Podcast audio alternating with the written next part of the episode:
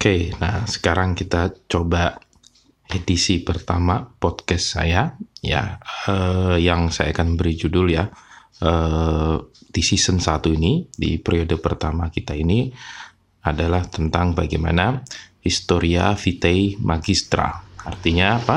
Eh, sejarah adalah guru pengalaman yang terbaik. Nah, jadi kita bisa belajar dari sejarah. Nah, podcast saya ini bertujuan untuk memberikan ya semacam sharing knowledge ya obrolan ringan tentang sejarah, tentang uh, sosial kemasyarakatan, tentang apa isu-isu yang hangat tentang kemanusiaan. Kemudian juga nanti ada perkembangan teknologi ke depan. Nah, uh, season satu ini kita akan bagi beberapa episode. Nah, episode pertama kali ini ya, uh, kita akan bicara tentang perang terhadap patogen yang sekarang sedang uh, kita hampir seluruh dunia ya, secara global memerangi namanya patogen. Patogen ini diberi nama oleh WHO dengan nama COVID-19 atau Coronavirus Disease 19 karena ditemukan wabahnya ini atau pandeminya ini pada tahun 2019 mulai outbreak pertama kali di kota Wuhan di RRC ya Republik Rakyat Tiongkok pada akhir tahun 2019. Nah, eh, perang terhadap patogen ini bukan perang yang misalnya kita bisa bilang bahwa satu negara melawan patogen ini, tapi sebenarnya perang ini adalah perang global semuanya ikut serta di dalamnya dan semuanya hampir 90% lebih negara di dunia yang eh, terkena dampak dari COVID-19 ini. Nah, sebelumnya kita harus tahu dulu nih ya, uh, kita harus bedakan apa itu, kenapa itu ya, sorry, disebut pandemi, ya, kenapa disebut pertama kali epidemi, ya. Nah, ini kita bedakan dulu nih. Nah, supaya kita nggak salah uh, pengertian dalam memahami COVID-19 ini. Nah, uh, menurut KBBI atau Kamus Besar Bahasa Indonesia, kenapa WHO menggunakan kata pandemi? Ini dikarenakan ya wabah ini berjangkit serempak di mana-mana, meliputi daerah geografi yang sangat luas. Dalam pengertian ini bahwa eh, epidemi epidemi ini ya awal mulanya kan epidemi di Wuhan ya. Jadi kalau epidemi itu adalah uh, penyakit menular yang berjangkit secara cepat di daerah luas yang menimbulkan korban, tapi hanya di daerah itu. Nah, ketika WHO menetapkan jadi pandemi, berarti dia menyebar ke seluruh wilayah dunia atau mayoritas seluruh negara yang ada di dunia. Nah, itulah basic uh, pengetahuan tentang pandemi, membedakan pandemi dan epidemi. Nah, sekarang kita lihat bagaimana sih uh, pelajaran dari sejarah untuk kita bisa melawan COVID-19 yang mewabah ke seluruh dunia termasuk di negara kita yaitu di Indonesia. Nah, bisa kita lihat gini ceritanya ya. Uh, Historia Vita Magistra tadi saya bilang bahwa sejarah adalah guru pengalaman yang baik bahwa dulu manusia sudah diberikan contoh ya di mana epidemi sebuah epidemi membunuh jutaan orang jauh sebelum era kita ini artinya 6 sampai 700 tahun atau 6 sampai 7 abad yang lalu pada abad ke-14 ya wabah Black Death menyebar dari Asia Timur sampai ke Eropa Barat. Nah, selama lebih dari satu dekade pada abad 14 itu, wabah ini menewaskan setidaknya 75 hingga 200 juta orang atau sekitar seperempat populasi Eurasia, gabungan penduduk yang ada di benua Eropa dan di benua Asia.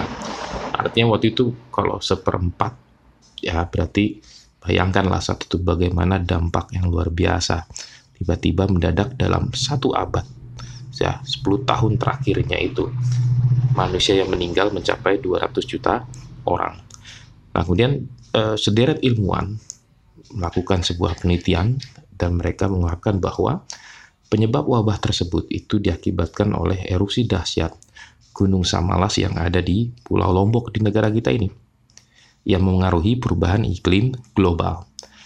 Nah, di Inggris 4 dari 10 orang meninggal. Artinya, hampir 40% orang Inggris itu meninggal. Bayangkan, 40% orang Inggris meninggal kalau kita deretkan ada 10 orang berdiri, ya 4 orangnya mening meninggal. Nah, sedangkan di Florence, di Italia, pusat awal mula Renaissance terjadi, ya itu kehilangan 50.000 sampai dari 10.000 oh, penduduknya. Artinya apa? 50% tingkat kematiannya. 50.000 dari 100.000 penduduknya Bayangkan bagaimana uh, efek besarnya gitu ya dari Black Death ini. Pada bulan Maret tahun 1520, seorang bernama Francisco de Eguia menjadi satu-satunya orang yang membawa penyakit cacar dan dia kebetulan mendarat di Meksiko. Nah, berarti di sini ada proses penyebaran yang dilakukan oleh Francisco Eguia, orang yang membawa penyakit cacar dan mendarat di benua baru yaitu benua Amerika yang belum lama ya ditemukan oleh orang Eropa oleh Christopher Columbus pada bulan Desembernya artinya 9 bulan kemudian epidemi cacar ya atau plague waktu itu disebutnya meluluh lantakan Amerika Tengah yang menurut beberapa perkiraan membunuh sepertiga dari populasi orang yang ada di Amerika Tengah seperti negara mulai dari Meksiko Nah, kemudian uh, Panama, Nicaragua, ya, kemudian Honduras, eh, di bagian depan Amerika Tengah, ya. Nah, pada saat itu Amerika tidak memiliki kemajuan yang dimiliki orang Eropa pada abad yang sama, ya. Dia tidak memiliki alat transportasi untuk memindahkan orang begitu uh, intens, begitu tinggi. Ya, padahal waktu itu mereka sering kali berjalan kaki. Artinya, wabah ini begitu cepat menyebar meskipun tidak ada namanya kemajuan teknologi di bidang transportasi yang bisa menjadi pemicu penyebaran wabah tersebut. Nah, kemudian 500 tahun kemudian, sorry, ya 400 tahun kemudian tepatnya ya, uh, manusia semakin rentan terhadap wabah ini. Artinya 400 tahun itu manusia tidak banyak belajar atau manusia tidak banyak melakukan satu terobosan di dalam uh, dunia kesehatan medis dalam menghadapi uh, epidemi atau wabah ini.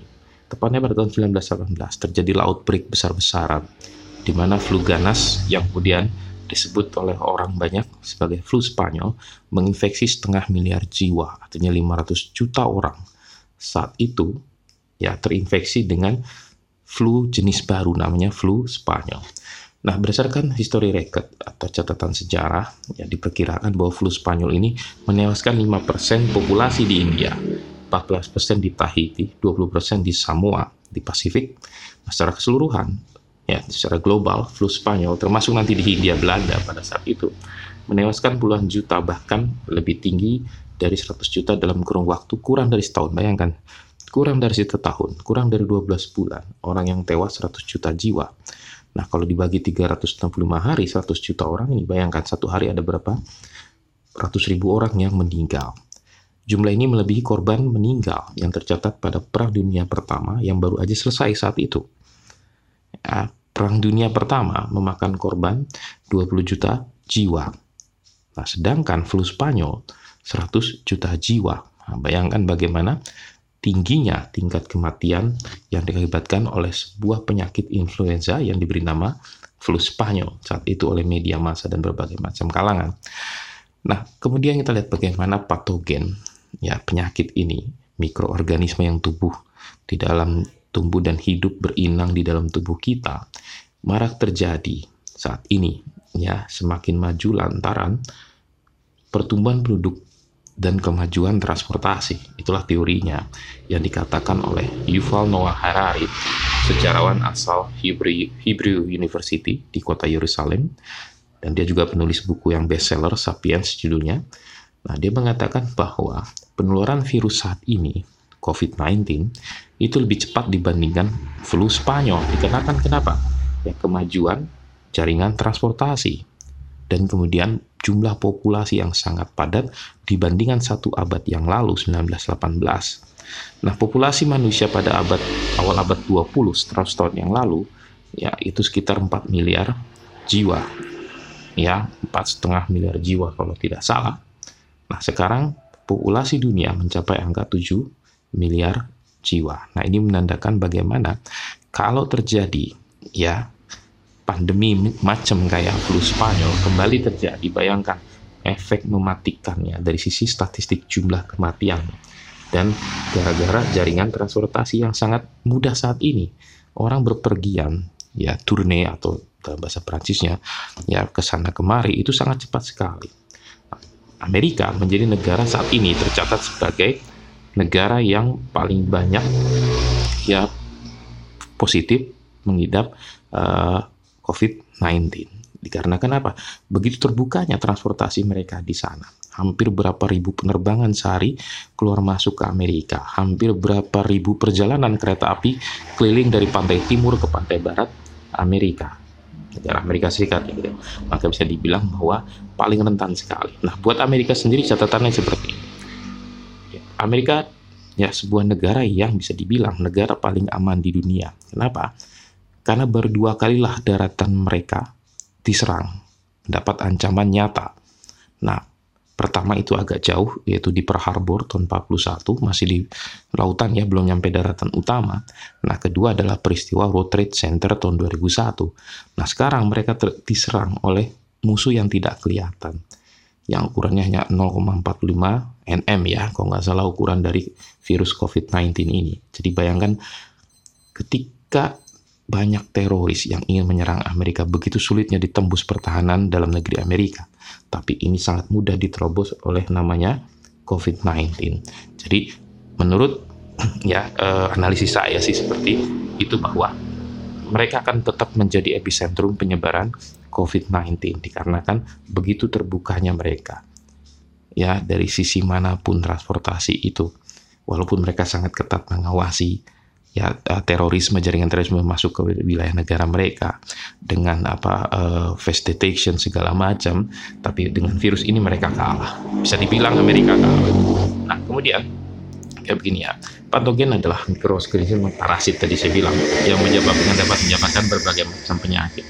Beberapa jenis patogen itu dapat melipat gandakan diri dalam waktu yang sangat cepat dan menimbulkan penyakit menular.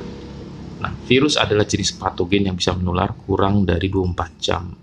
Artinya kalau traveling, virus ini itu bisa dari Tokyo ke Meksiko kurang dari 24 jam. Artinya kalau ada orang berpergian dari Tokyo ke Meksiko, ya virus ini yang menyebar nggak butuh waktu, tidak tidak butuh waktu lebih dari satu hari kalau diukur dari sebuah perjalanan. Meskipun pada abad 21 wabah mengerikan karena pernah kita catat ya kalau wabah ya bukan pandemi.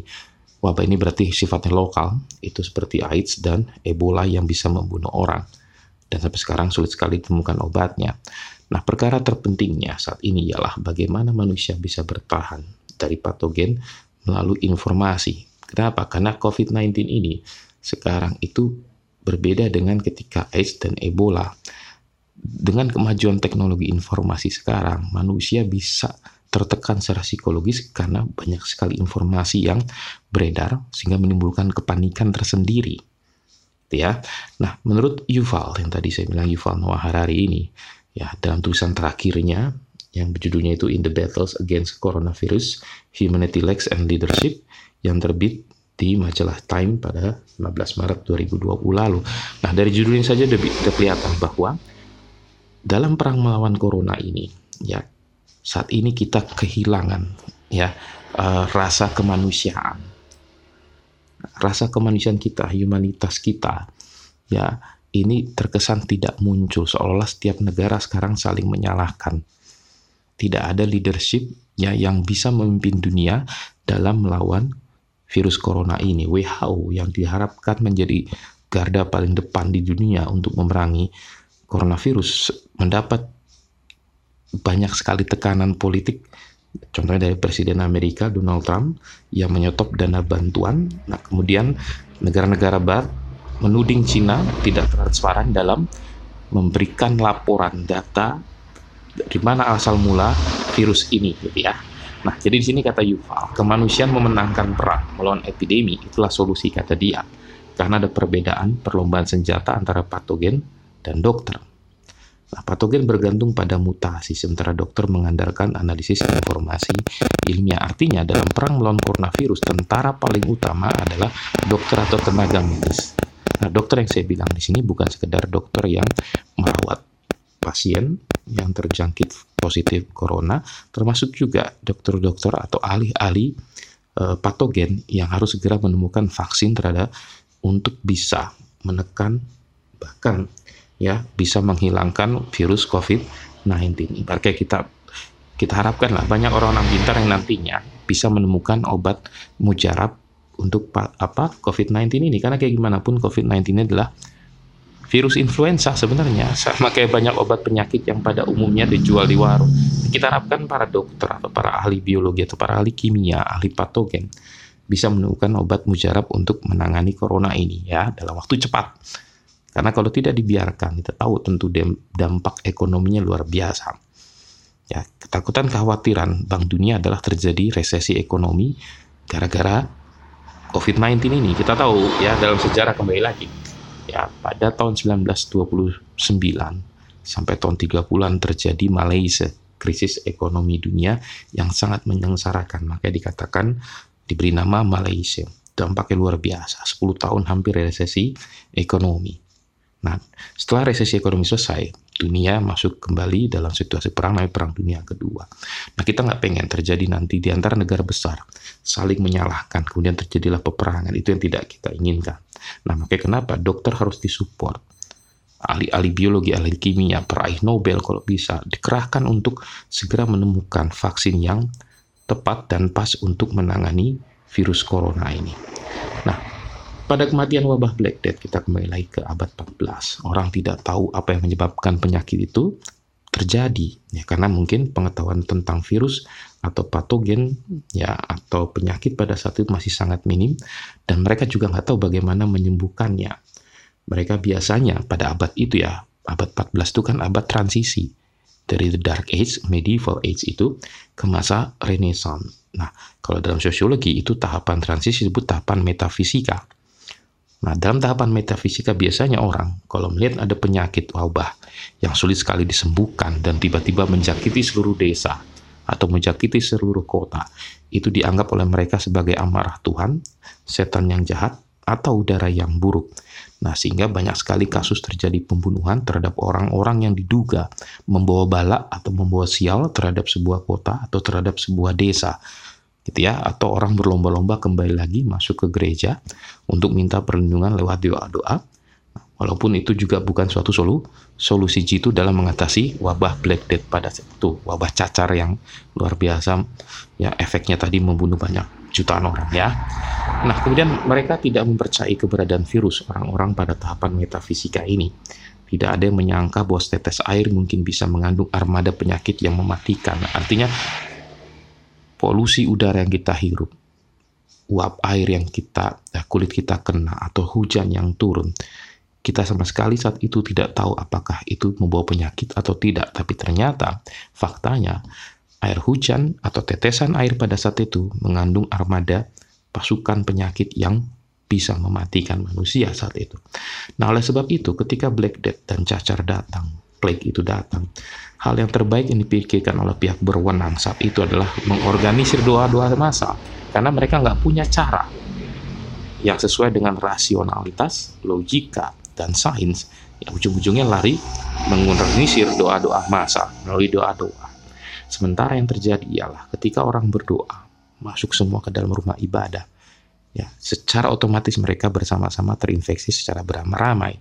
Nah, ini seperti kejadian di Goa Sulawesi ya, bagaimana orang saat itu mengatakan bahwa tidak takut terhadap virus corona, takutnya kepada Allah atau kepada Tuhan. Nah, ujung-ujungnya apa? Setelah pertemuan itu, yang kayak di Kuala Lumpur dan di Goa, hampir berapa persen, 30 persen, 40 persen dari mereka yang hadir terkena, terinfeksi virus COVID-19 COVID-19 ini.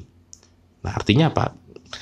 Agama bukan juga solusi efektif untuk bisa melawan uh, virus COVID-19 ini. Ya. Nah, kalau ada orang beranggapan bahwa tidak takut terhadap COVID-19, takut kepada Tuhan, seolah-olah kita kembali diajak kembali berpikir cara-cara masa transisi itu, masa di mana orang belum bisa melupakan ya uh, the dark age, tapi coba ingin melangkah ke yang maju, tapi terkesan setengah hati. Nah, selama satu abad terakhir ini, saya lanjutkan. Ya, para ilmuwan, dokter, dan perawat di seluruh dunia mengumpulkan informasi dan sama-sama berhasil memahami mekanisme di balik epidemi dan bagaimana cara mengalahkannya. Nah, teori evolusi menjelaskan mengapa bagaimana penyakit baru ini bisa meletus dan penyakit lama menjadi lebih ganas, seperti yang terjadi pada H1N1 yang dikenal dengan nama flu Spanyol dan muncul lagi pada flu babi pada tahun 2009. Genetika mungkin para ilmuwan memata-matai instruksi patogen itu sendiri. Artinya di sini bahwa sains coba mencari ya saya coba mencari segala macam kemungkinan dari mana asal muasal virus ini gitu ya memanfaatkan teori-teori biologi yang yang ada hanya butuh waktu dua minggu bagi bagi para ilmuwan untuk mengidentifikasi virus corona baru jadi ini semua H1N1 flu Spanyol flu burung flu babu dan COVID-19 ini adalah keluarga dari virus corona mengurutkan genomnya dan mengembangkan tes yang dapat diandalkan untuk mengidentifikasi orang yang terinfeksi atau yang kita kenal dengan rapid test atau swab. Ya, saat ini sehingga orang ada nanti statusnya ODP dan PDP.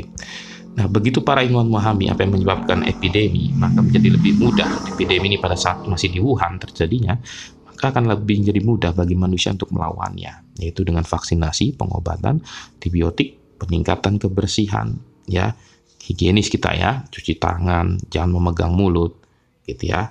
Nah, infrastruktur medis, contohnya ruang isolasi, ya kan kita harus segera siapkan. Nah, Indonesia sudah siap untuk itu semua saat ini. Rumah sakit darurat di Pulau Galang, kemudian bagaimana banyak gedung yang disulap untuk menjadi ruang isolasi-isolasi. Dan kemudian pemerintah membuka lowongan untuk jadi relawan membantu tenaga medis untuk memerangi virus corona ini. Nah, kemudian pada tahun 1967, kita berefleksi lagi ke tahun 67 ini ya. Misalnya ketika cacar menginfeksi 15 juta orang dan membunuh 2 juta dari mereka. Artinya pada saat itu ada yang terinfeksi pada tahun 67 ini 15 juta orang terinfeksi cacar dan membunuh 2 juta dari yang terinfeksi itu. Lalu pada dekade berikutnya tahun 70-an, kampanye global vaksinasi cacar begitu berhasil. Artinya di situ manusia butuh waktu ya untuk menemukan suatu solu solusi hampir 10 tahun. Kita bayangkan hampir 10 tahun. Nah, kemarin ada orang bilang prediksinya ya social distancing kita akan bisa langsung sampai tahun 2022. Bayangkan 2 tahun situasinya seperti ini. Bayangkan bagaimana ada potensi negara bisa ada yang hancur akibat kerusuhan kayak kota Paris ya hari ini tadi ada kerusuhan ya di kota London bahkan di Ekuador di India banyak sekali kerusuhan terjadi ketika negara memutuskan untuk melakukan lockdown untuk menangani penyebaran virus corona. Nah, artinya apa? 10 tahun kemudian suatu infeksi baru ditemukan obatnya. Kemudian ada asumsi sampai tahun 2002 lah kita harus melakukan social distancing.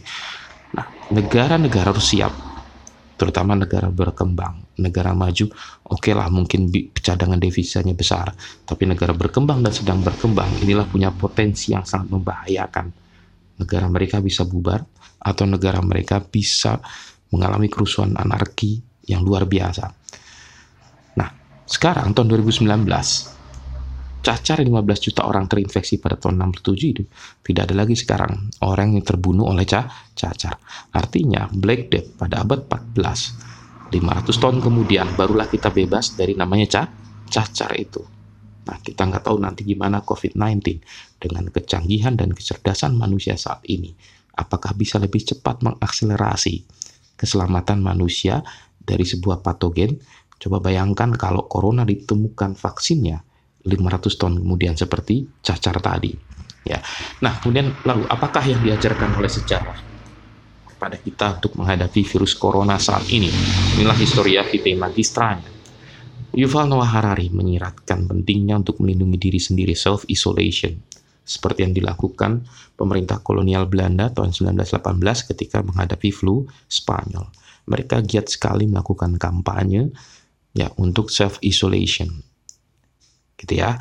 Nah, kalau kebijakan lockdown itu kan maksudnya gini, dipaksa untuk mengisolasi diri. Jadi negara memaksakan suatu kehendak. Nah, tentunya dengan tangan-tangan kepolisian, tangan-tangan militer. Nah, kalau self isolation ini diminta warga kesadarannya gitu ya akan kesehatan, akan rasa kemanusiaan supaya kita tidak kalau kita positif kita tidak menulari orang lain juga, maka kita harus diminta self isolation. Nah, Yuval Noah Harari menyarankan benar-benar social distancing, menutup diri dari segala interaksi. Itulah first lesson yang dia tawarkan kepada umat manusia, kepada kita semua saat ini dalam menghadapi COVID-19 ini. Nah, pelajaran kedua dari sejarah dalam menunjukkan bahwa perlindungan nyata berasal dari berbagai informasi ilmiah yang dapat diandalkan dan ini dapat memicu solidaritas global. Misalnya sebagai macam ini. Yang dimaksud dengan informasi ilmiah yang dapat diandalkan dan dapat memicu solidaritas global ada jika ada solusi-solusi alternatif selain uh, apa namanya kita dirawat atau apa self isolation dengan cara apa dengan melalui media sosial kita share orang-orang yang sudah sembuh dari apa COVID-19 men-share informasi bahwa mereka bisa sembuh karena apa karena apa apa yang mereka lakukan selama isolasi yang kata, katanya bisa mencapai 14 hari proses inkubasi virusnya ini. Nah, ketika satu negara dilanda pandemi epidemi, ia harus berbagi informasi tentang wabah tanpa takut akan bencana ekonomi. Sementara negara lain harus mencari informasi itu dan memberikan bantuan ketimbang mengunculkan orang lain atau saling menyalahkan seperti sekarang. Cina disalahkan oleh banyak pihak ya dan seperti sekarang juga Indonesia ya uh, dibilang bahwa tidak siap menghadapi COVID-19 daripada saling menyalahkan kita harus pikirkan bagaimana bencana ekonomi ke depan. Makanya kebijakan-kebijakan kita selain kebijakan penanganan penyebaran COVID-19 kita juga harus mikirkan bagaimana menyelamatkan ekonomi selain menyelamatkan nyawa manusia. Karena ekonomi sangat penting apalagi Indonesia dengan 270 juta penduduknya ya. Yang apa kategori sosial ekonomi masih sangat jelas batas-batas ekonomi sosialnya. Kelas atas, menengah, bawah masih banyak pekerja harian lepas, masih banyak pekerja harian yang bergantung pada pendapatan harian. Nah, saat ini Tiongkok dapat mengajarkan banyak pelajaran penting tentang virus corona ke seluruh dunia. Asal dunia mau membuka diri dan uh, apa namanya mau menerima bantuan yang diberikan oleh pihak Tiongkok ini, gitu ya. Cina pasti akan atau Tiongkok ini pasti akan men-share segala macam informasi yang dibutuhkan ya dalam uh, menangani corona karena mereka dianggap berhasil menangani epidemi yang ada di kota Wuhan. Nah, makanya yang kita bukakan saat ini adalah bagaimana kerjasama internasional yang efektif ya dalam melakukan suatu karantina. Nah, karantina dan penguncian sangatlah penting untuk menghentikan penyebaran epidemi atau pandemi ini. Walaupun banyak pemerintah negara di dunia yang ragu mengambil langkah penutupan atau lockdown.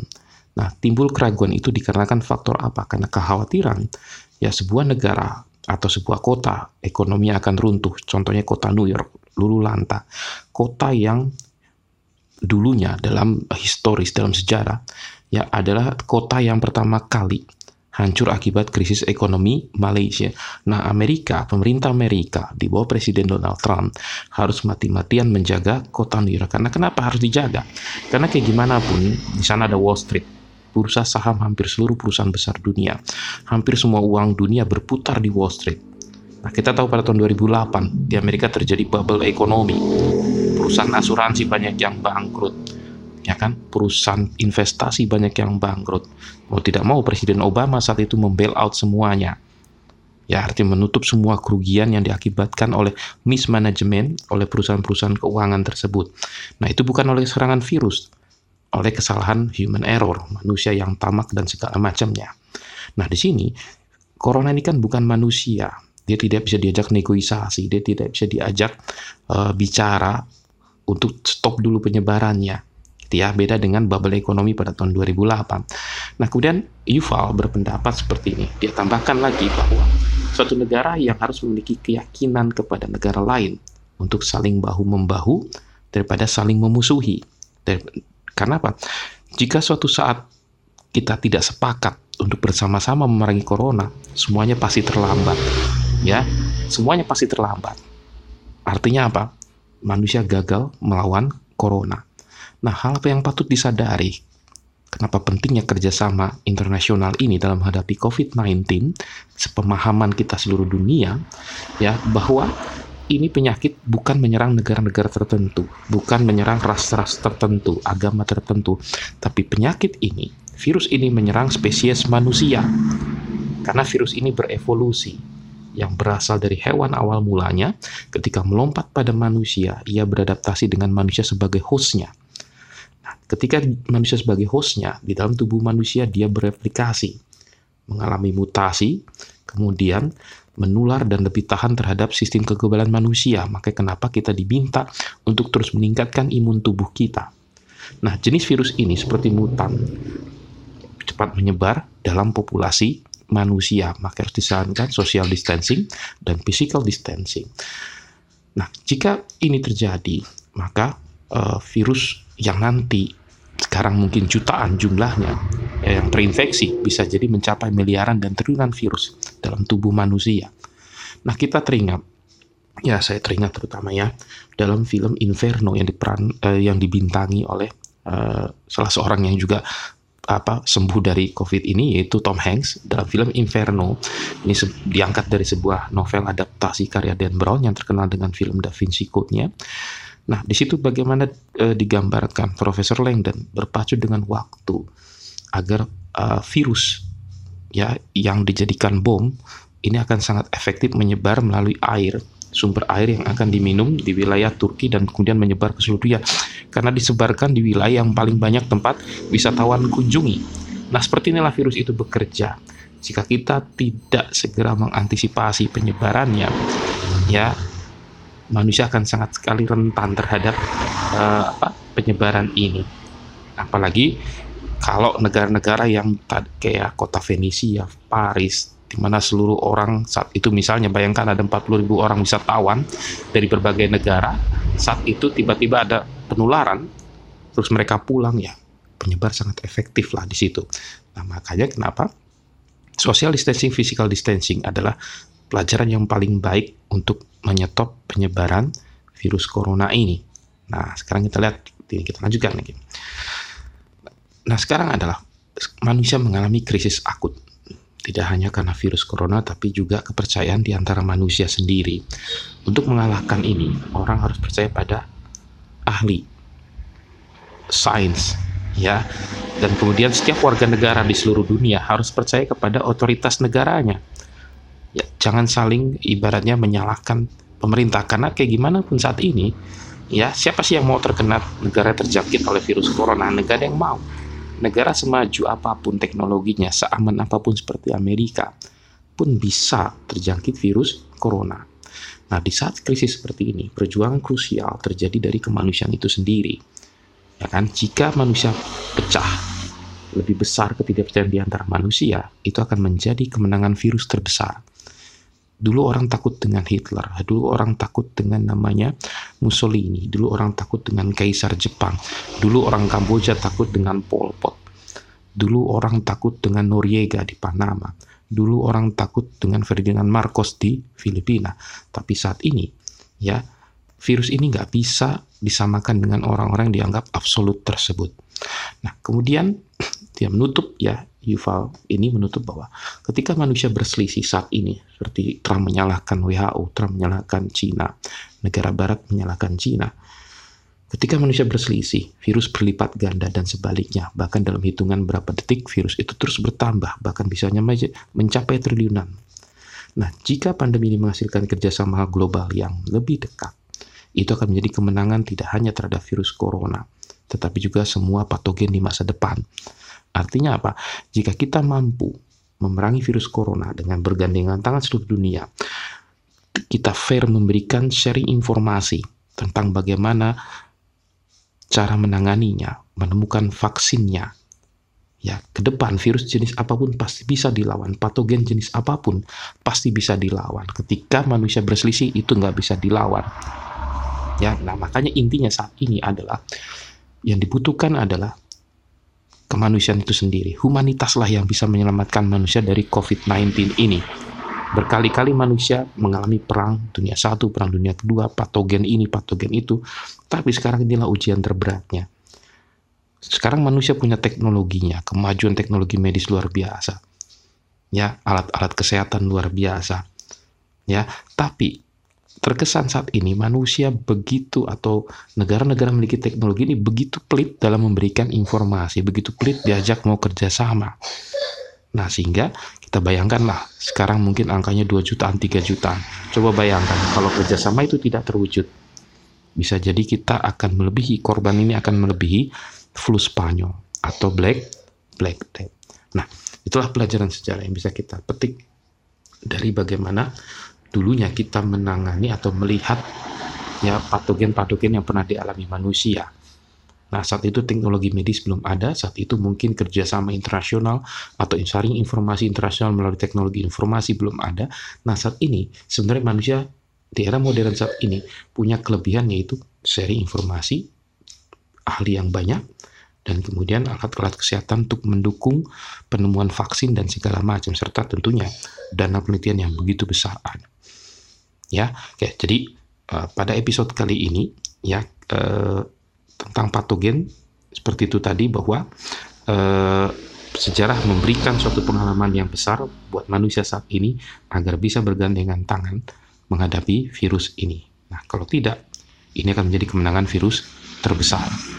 Ya, padahal dulu kita bisa survive dari berbagai macam virus, meskipun ada korban, tapi manusia bisa survive, tetap mendominasi kehidupan di muka bumi. Oke, okay? uh, eh, sekian dari saya. Nanti kita ketemu lagi di episode berikutnya dengan topik-topik yang lebih fresh, lebih baru, dan sekaligus juga menggugah kita untuk terus belajar, sharing knowledge, ya. Nah, karena itulah intinya sebenarnya sosial media.